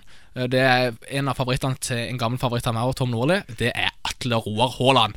Mannen som brukte nummer ti på ryggen som midtstopper og hadde to uh, tostegs straffespark. Han satt alt. Han var overlegen i luftrommet. Var, folk tenker han var treig fordi han, han så ikke så kjapp ut, men han var ganske hurtig òg. Fantastisk midtstopper, en fantastisk ledertype, eh, rett og slett. Eh, Atle Roar Haaland for meg, han var helt enorm da han var i Start. Hørte du den historien om når, de, når Start henta han? At uh, da var det jo uh, jevnt mellom Start og MK. Men uh, Start jakta en midtstopper. De sonderte markedet for å finne den beste de kunne. Klarte rett og slett ikke finne en som var bedre enn Atle Roar Haaland i Mandal, og endte opp med å gå for han. Og, og han endte jo på landslaget til slutt. Folk snakker om at det var et pek mot liksom, distriktet og alt det her òg, men, men han, var, når han var i Start, han var, han var enorm. Og han var god i, i Danmark òg. Helt enig. Og øh, hvem utgjør den siste plassen i Trebekslinja? Nå har det vært to øh, veldig hyggelige gutter der inne i det, gutter. Ja. Den siste er kanskje den hyggeligste av de alle. En helt unik historie på han nå. Det er kanskje ikke den mest enorme historien på Atle Roar, men, men på andre så var det jo det. Men den siste jeg har med her, det er en Leeds-kjenning. Og en spiller som jeg opplevde og å sett noe av sjøl da jeg var på mitt yngste, men jeg skulle gjerne skulle sett mer av han også. Eh, Dette er jo en mann Nelson Mandela sjøl har kalt sin helt, og da skal vi altså til Lucas Radebe, eller Lucas Radaby, som han også ble uttalt eh, i England. Og det var The Chief, da. Han, eh, han kom fra en klubb som heter Kaiser Chiefs, og derfor Dette bandet Kaiser Chiefs er jo et, et, et band som er lagd i Leeds. Og det kom jo at de var så fascinert av denne overgangen her, da. Jeg tenker bare på Lars Vaular hver gang jeg hører det. Ja, og da signerte de en annen nå som het uh, Philip Masinga. Og Det som er interessant er at det var han de egentlig satsa på. Han var bare med som kompis, han der eh, Radebe, men han var helt vanvittig i Leeds. Og eh, han eh, Ferguson hadde lyst til å hente han til Manchester United. De fikk Budet gikk inn og ble akseptert, men Lucas likte seg så godt i Leeds at han var en av de få som takka nei til Manchester United. Og det går, her går jo rett hjem på alle Leeds-hjerter. Så han uh, han, har, uh, han har jo vært Jeg lurer på han har vært barnesoldat så Han har en helt unik historie og en fantastisk leder, og en av de største Leeds-spillerne gjennom tidene. Veldig bra, Mathias. Dette her er, dette er flott. Skal vi opp på den eh, midtbanefemmeren? Ja, og da kan vi begynne med Vil du begynne med de to dype, eller vil du begynne med kantspillere? Det er helt opp til det. Eh, Vi kan begynne med de to dype. Og- Og det jeg har tenkt nå når vi har hatt de tre fredsmeglerne bak, da må vi ha litt eh, karakterer på midtbanen. Vi må ha altså disse her som gjør litt andre ting. Vi skal ha en god kombinasjon her. Og eh, Vi kan begynne med venstre Av de to dype så begynner vi med venstre Venstre dypt. Og det er uh, da, da vil jeg ha Det er jo sentra, en sentral midtbanespiller, dette her. Og, og da vil jeg ha en ryddegutt. gutt. og for det har jeg alltid vært glad i, og det er gøy å se at det kan til at den rollen der begynner, folk begynner å like den nå. Og jeg husker jo Makelele-tida og, og andre folk òg. Og jeg har alltid fasciner, blitt fascinert over spillere som jeg føler ikke er gode nok. Som spiller i store klubber og gjør det og, og, og på en måte er fast. Og jeg, i tillegg er karakterer ikke er bare uh, sånne snille gutter som du alt treneren sier, men som er karakterer og egentlig ikke gode nok. Er det noe du kjenner deg igjen i fra din egen spillerkarriere? Kanskje litt. Og dette her var en mann som kunne ta kort. Han kunne ta drible raid òg. Og han spilte på en midtbane han ikke var i nærheten av å være god nok til å, å være med på, mener jeg. Men han var eh, en fantastisk spiller i perioder. Mannen jeg snakker om, han spilte han spilte i Real Madrid sammen med eh, en Robinho som var i eh, verdensklasse på den tida. Han hadde på, på en side av seg, så hadde han Zidane på andre sida av seg, og så hadde han Beckham som sistemann på fireren der, og så kanskje var Guti en gang iblant òg. Helt enorme spillere rundt seg. Vi skal til Vi skal til Danmark. Vi skal til en legende av få. Vi skal til Thomas Gravesen. EM 2004. Ja, der, der er han, Han er jo enorm der. Og VM 2002, når slåsskamper mellom han og Ja, jeg vet ikke hvem det var, han danske. Han er, han er en vinnertype, han er en fighter. Han, han var jo egentlig ikke en ryddegutt når han var i Everton tidligere. Før, før den tid. Det var jo der han var best. Ja, det var der han var best. Og så han Veldig god for Danmark. Det der jeg liksom, husker han best fra. Men så husker han jo dette her eh, fantastiske eh, Real Madrid-lag. eh, med liksom Du har Raúl og Ronaldo på topp der, og du, du, du undrer deg over når han sitter i garderoben der, og så er han liksom kjepphøy i tillegg. Og til og med med på Goal 2-filmen, for dere som har sett den, og har noen scener der med Gavin Harris og co. Så, han er en karakter, og det er vanskelig ikke like han, da. Så han er med. Åh, Hvem skal spille ved siden av han? Så var spørsmålet hvem vil jeg ha ved siden av, og da jeg vil også ha av dypet så vil jeg også ha en kreativ spiller, og her har jeg tenkt mye. Og Jeg har tenkt på, jeg vil ha en bohem, jeg vil ha en karakter. Eh, Valderama, en colombier, kom fort opp med sitt hår og sine trekk og sine gjennombruddspasninger. Men så ble det med en lokal kjenning. En som jeg har sett på slutten av karrieren. Han var han var nok litt over the top, da men han viste med sin kvalitet at han kunne spilt på hvilket som helst lag når han var på sitt beste. Vi skal til en annen bohem. Mannen som var best når han var bakfull. Vi skal til Erik Mykland. Henning, det ble jo uttalt at uh, hans beste kamp for Norge var etter at Henning Berg hadde plukka han opp i resepsjonen halv fire på natta dagen før. Og, og han, Hvis du ser liksom highlightsene fra Panat- Panathinaikos og ser kamper derifra, så var han jo helt enorm. Og, og folk sier jo at dette er den beste Norge har hatt. Og når jeg ser klipp fra EM 2000 og, For du, har sett, for du har sett litt EM- og VM-klipp, tror jeg. ja, og av og til for meg er det viktig av og til, Du kan ikke bare se YouTube-highlights. Du må se kamper for å få riktig bilde av spilleren. Og, og, og, Erik Mykland er nok den spilleren eh, Folk tenker på han som eh, at han var liksom artisten, og det var han. Men han var en vanvittig ballvinner òg. Det er derfor jeg kan ha han Det dypt. er en grunn til han passet inn i det Drillo-laget. og- Men det det er klart at eh, det er helt enig med deg. Hadde du sett eh, klipp fra EM 2000 osv. Med, med Myggen, nå, så hadde du jo aldri Eller han hadde ikke vært med på de høydepunktene. For han var ikke så skapende offensivt. Han er jo han er, han er litt Pirlo før Pirlo, på en måte. Ja. Eh, så eh, En fantastisk spiller. Eh, og i tillegg så har han jo spilt på Start. Jeg husker når han kom tilbake, jeg nevnte det jo i stad, når han kom tilbake eh, på eh, Sør Arena. Og, og, og virkelig eh, Han gjorde noe med hele klubben. Og det er sånne spillere man liker. da. Skal vi på eh, høyre midtbane? Siden du hadde Vi mangler tre plasser. Ja, nå er, det, nå er de tre offensive av disse her eh, Vi kan begynne med venstrekanten. Venstre. Du lir å begynne fra venstre? Lir å begynne fra venstre. Er det fordi du er venstrebeint? Det er helt riktig, Håkon. Og eh, hvem finner vi der? Der finner vi en annen startfavoritt hos meg. Eh, vi må ha noe lokalt. Denne mannen her var eh, eh, For meg så var han sammen med Atle Roar Haaland eh, Starts beste spiller, eh, og kanskje Alex Valencia òg. Men det er ikke Alex Valencia jeg er ute etter. Det er en mann som Han hadde vel tre i stolpen sjøl mot Fredrikstad, og, det- og, og han skårte i tillegg. Og det sier noe om hvor god han var når han var på. Eh, Og han var en karakter. Han sa etter kampen mot Fredrikstad at vi har tapt gullet, vi har ikke vunnet noe sølv. Han var pissesur, og det er så deilig å se sånne folk. Og han, han kunne se ut som han kom rett fra puben, kunne se ut som han ikke hadde dusja på noen måneder, men han var fantastisk på banen. Og en fart og, og målsnik og teknikk Fryktelig slepen teknikk. Stefan Berlin er altså mannen vi er ute etter. eh, Berlin, Berlin. Han kommer fra Sverige og er en målmaskin. Ja. Jeg husker jo det her sjøl. Altså, jeg var ikke så tett på start som dere. Jeg var jo tross alt uh, viking. Men jeg uh, husker godt Berlin. Veldig bra spiller. Kommer vel fra Vesteråsis i superrettene Altså det å bare slo til så sinnssykt i, i Norge. Så merkelig at han gikk til Odd etter hvert der. Ja, det var jo det, men det var vel 4-3-3 der òg, så, så Ja. passet det godt for han, det. Det er interessant å se det- Valencia også, som gikk eh, rundt etterpå. Som aldri fikk det til i andre klubber enn Start, eh, Valencia. Og, og Berlin eh, klaffa liksom ikke helt i, i Odd eh, på samme måte som han gjorde i Start. Og det som var med hele startlaget, at de maksimerte seg opp i start. Helt klart, helt klart.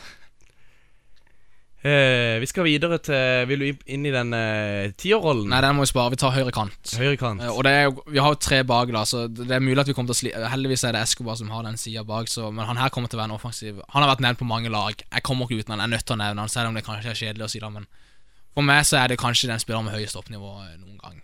Eh, han var eh, et smil og en lekenhet som det er vanskelig å komme, komme foruten.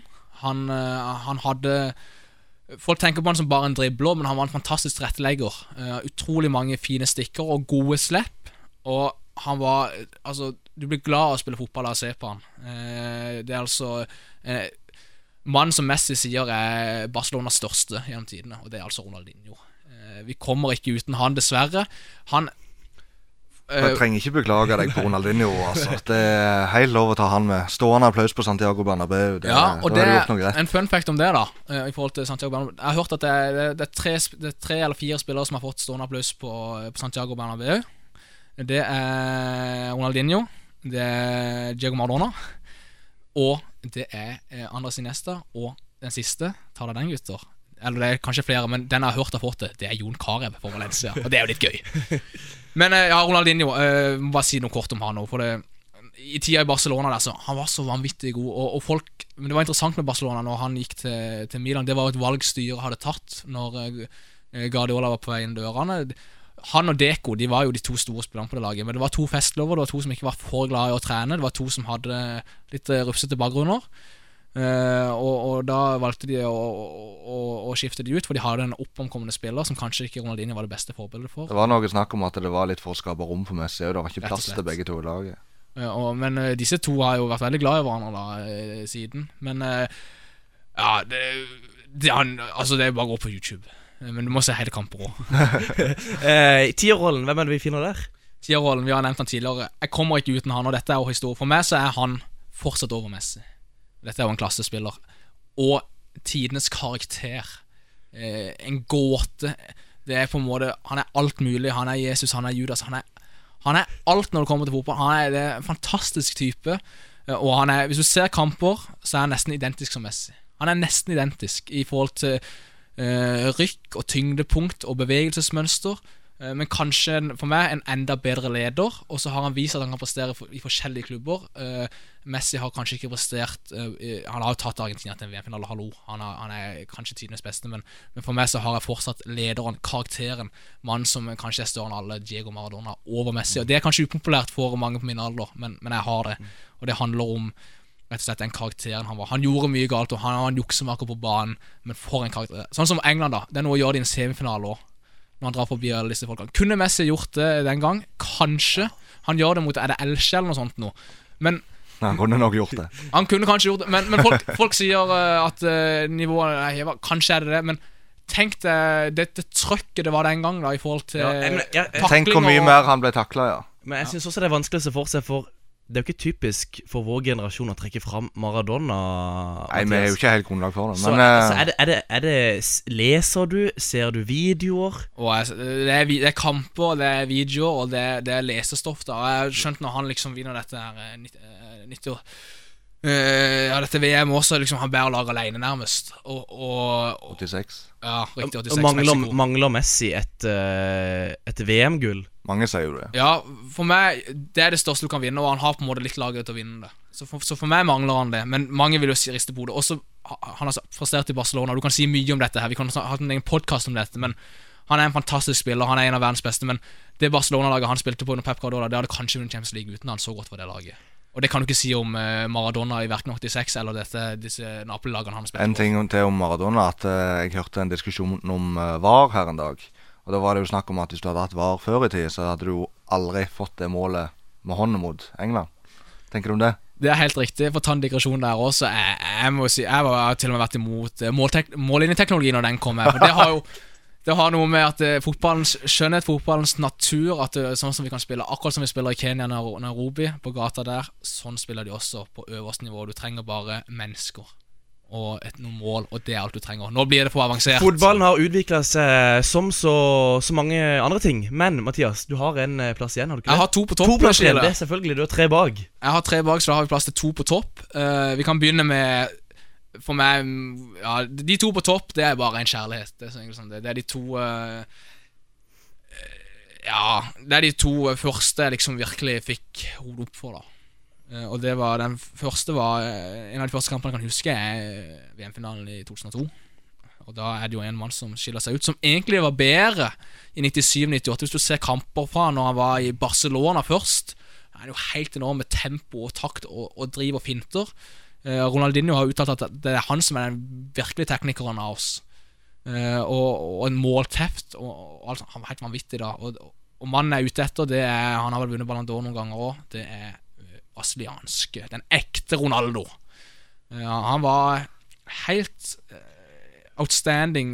Folk tenker, Vår generasjon tenker gjerne på han som han Real Madrid-spilleren. Da var han over the top. Han var ikke all verdens Real Madrid. Men hvis du ser på han før den tida det han, De tingene han hadde med seg, han var, helt, han var fantastisk god. Og så er det jo skader og sykdom som har gjort at han eh, mista det tempoet og eh, denne vektpåleggelsen. Og, og han, men han på sitt beste, Håkon det Ja, nei, Jeg hadde holdt med Tyskland i den 2002-finalen, så jeg stussa mer over keeperspillet til Oliver Kahn. En fun fact om Ronaldo, hvis jeg husker sveisen hans fra 2002-finalen, vet jeg hvorfor han hadde den sveisen? Ja, faktisk. Ja, det vet jeg. Jeg kan ta det sjøl.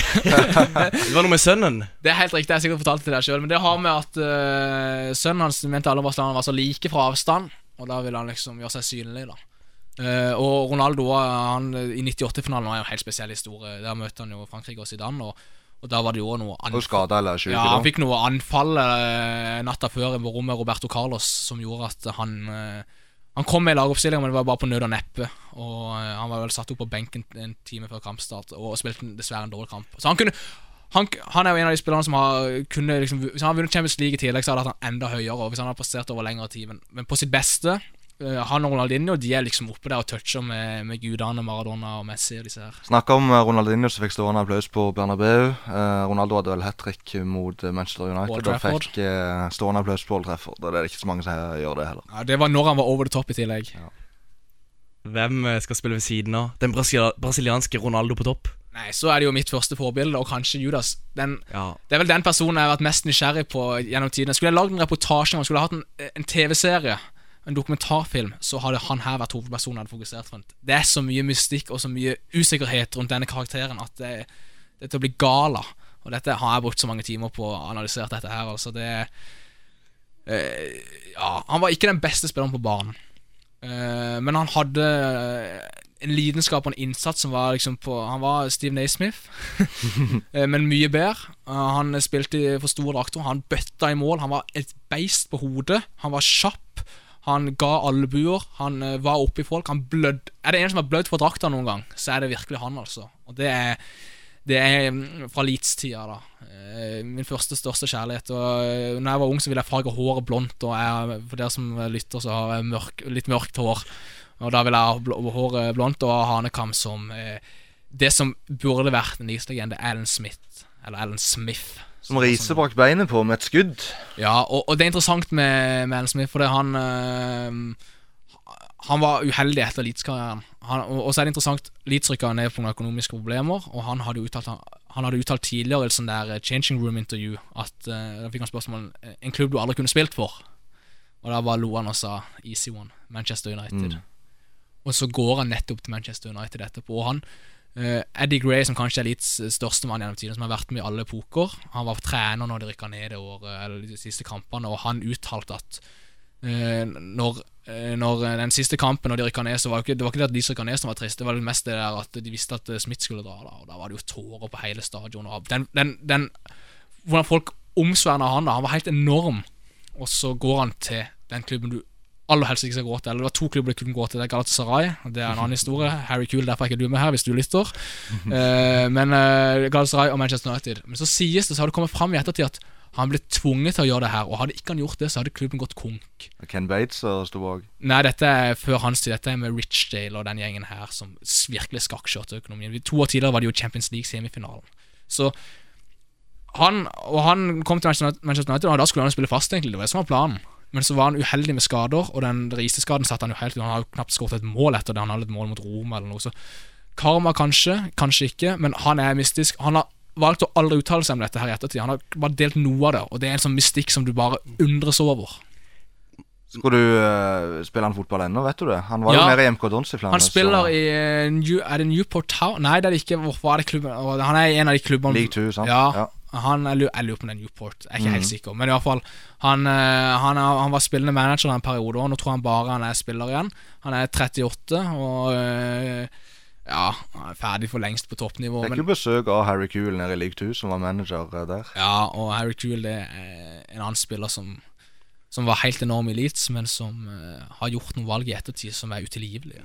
Som rett og slett gjorde. Som rett og slett også gjorde at han ikke kom med på dette drømmelaget her. Så Mathias, du må ta og lese opp uh, Det er helt riktig, laget. Nå ble det kanskje litt langt, men uh, gøy for de som er interessert selv om det kanskje ikke er for mange av dere. Men laget lyder som følger. Uh, I mål uh, Jerzy Dodek, Liverpool-legenden. Eh, forsvaret består av fredsmeglerne eh, Andres eh, Escobar, Atle Roar Haaland og Lucas Radebe, eller Lucas Radeby, om du vil. Eh, så midtbanen med de to dype. Eh, vi har eh, eh, den kreative mannen, eh, bohemen Erik Mykland, eh, sammen med vinneren, eh, han litt gale, Thomas Gravesen. Venstrekantspiller, eh, en av Starts beste eh, gjennom tidene, i mine øyne. Stefan Berlin. Høyre kantspiller, eh, en av verdens beste gjennom tidene, etter mine øyne. Eh, Ronaldinho, eh, og eh, som kreative hengende spiss, eh, tidenes beste, i mine øyne. Diego Armando Maradona, og de to på topp. Eh, brasilianske Ronaldo og eh, tidligere elitespiller, Manchester United-spiller, Newcastle-spiller og en rekke League One og Two-klubber. Alan Smith. Takk, eh, takk for det, Tor Rune Haugen. vet, vet du mange kamper Nei, hvor mange pølser Tor Rune Haugen spiser eh, hver kamp? Det kommer vel på en jingle nå, så da får dere svaret der. Eh, Jeg lurer på om det er tre. Men Mathias, hvem skal være kaptein på dette laget her? Er det Alan Smith som blir spillende trener? Eller nei, eh, kaptein? Kaptein Hvis vi tar det først. Ja, det er jo en av de tre bak. Alle tre kunne vært det, så de får gå det på, på rundgang, men eh, Haaland skal få han. Og eh, trener. Det var det jeg også nevnte der. Ja. Hvem skal være trener? Jeg har jo tygd lenge på Tom Nordli, men nå har det jo kommet en sak mot han i det siste, så jeg vet ikke om jeg kan ta han. Men eh, eh, Nei, hvem skal det bli? Uh, Har du en favorittrener? jeg tenkte på Jeg, tenkte, jeg har vært glad i Drillo òg, men det hadde ikke passa med dette laget her. Eh, det er lett å si Det blir, det blir tidligere elitestrener eh, David O'Leary. Og draktfargen blir Draktfargen blir selvfølgelig eh, all white. all white. The all white strip.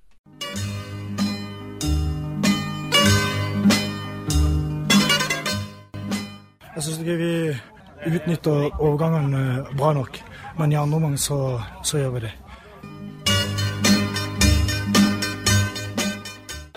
Altså, nå, nå er de, de er jo mer solide, mer jevne. De er mange gode spillere. Flere å velge i. De hadde jo skadeproblematikken og alt det der. Så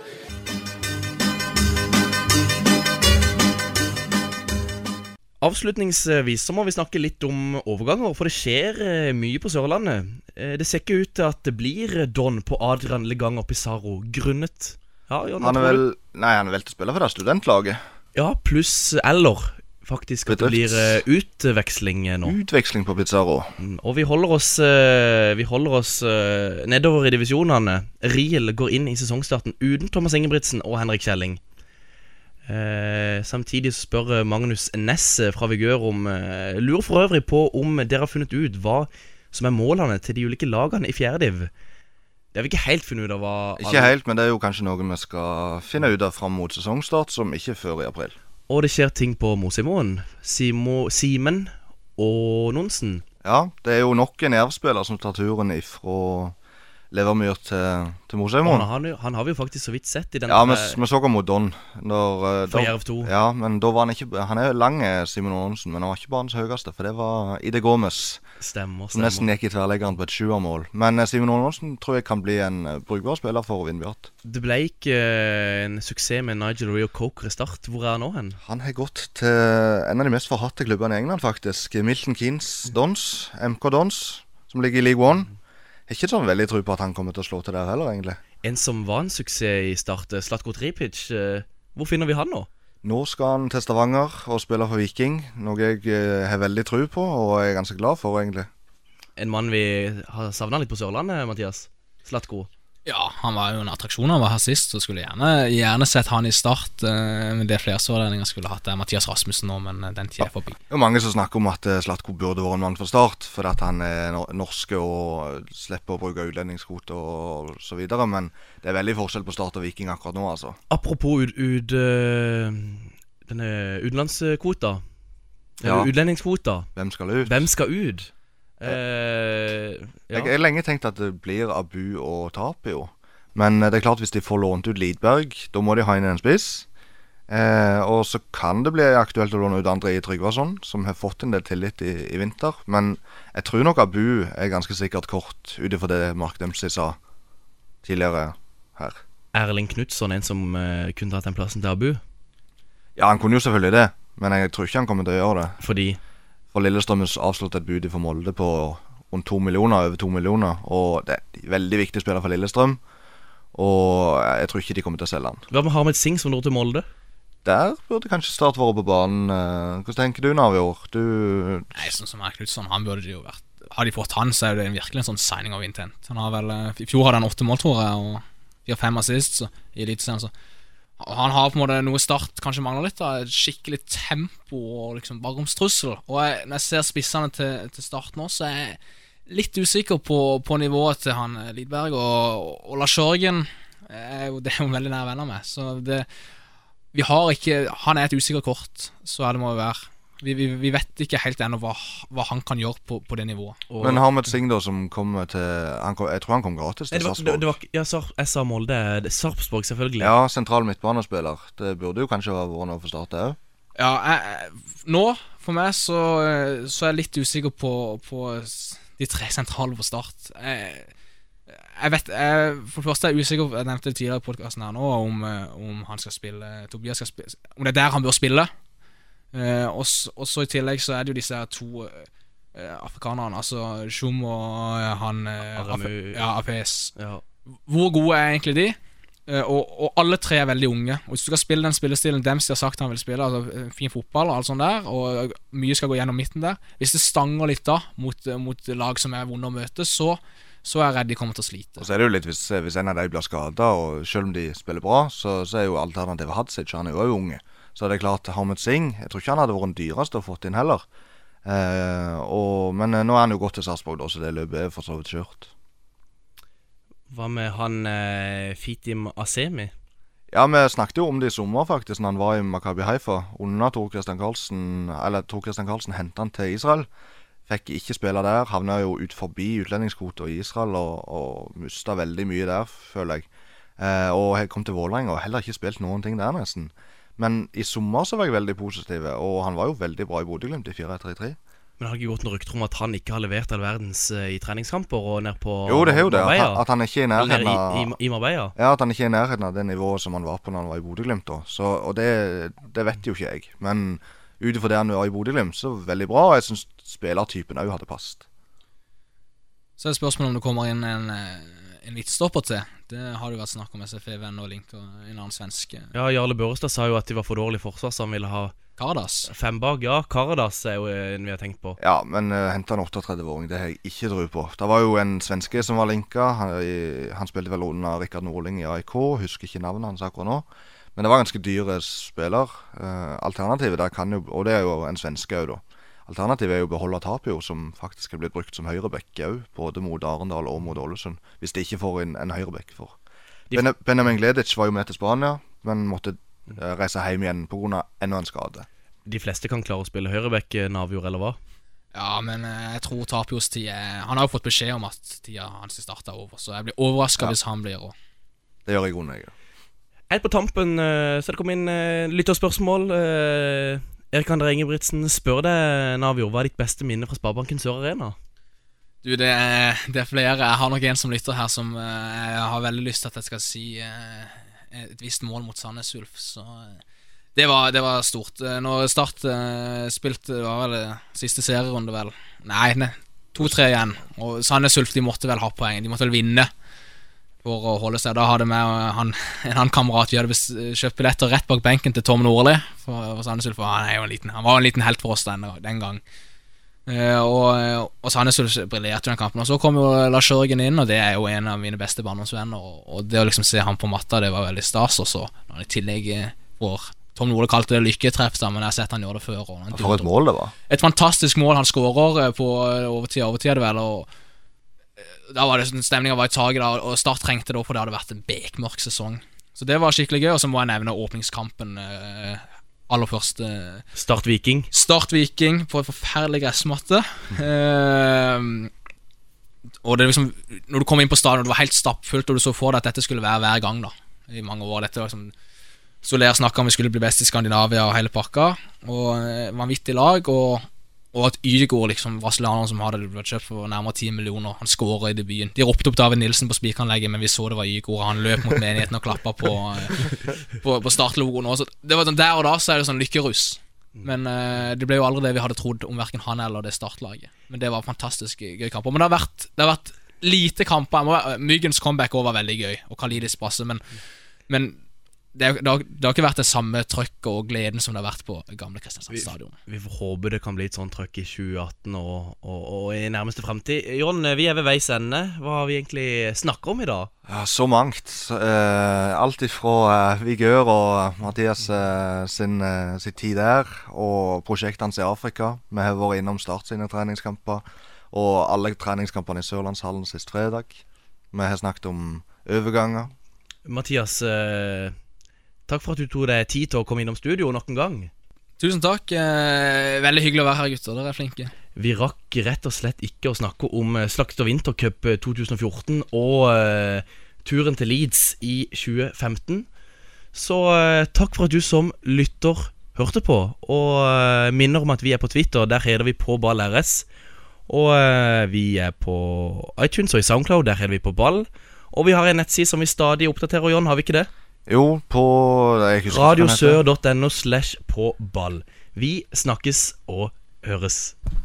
Vi slår en god, gammel og sloke, så hopper vi opp og ned. Vi slår en god, gammel og sloke, hvor alle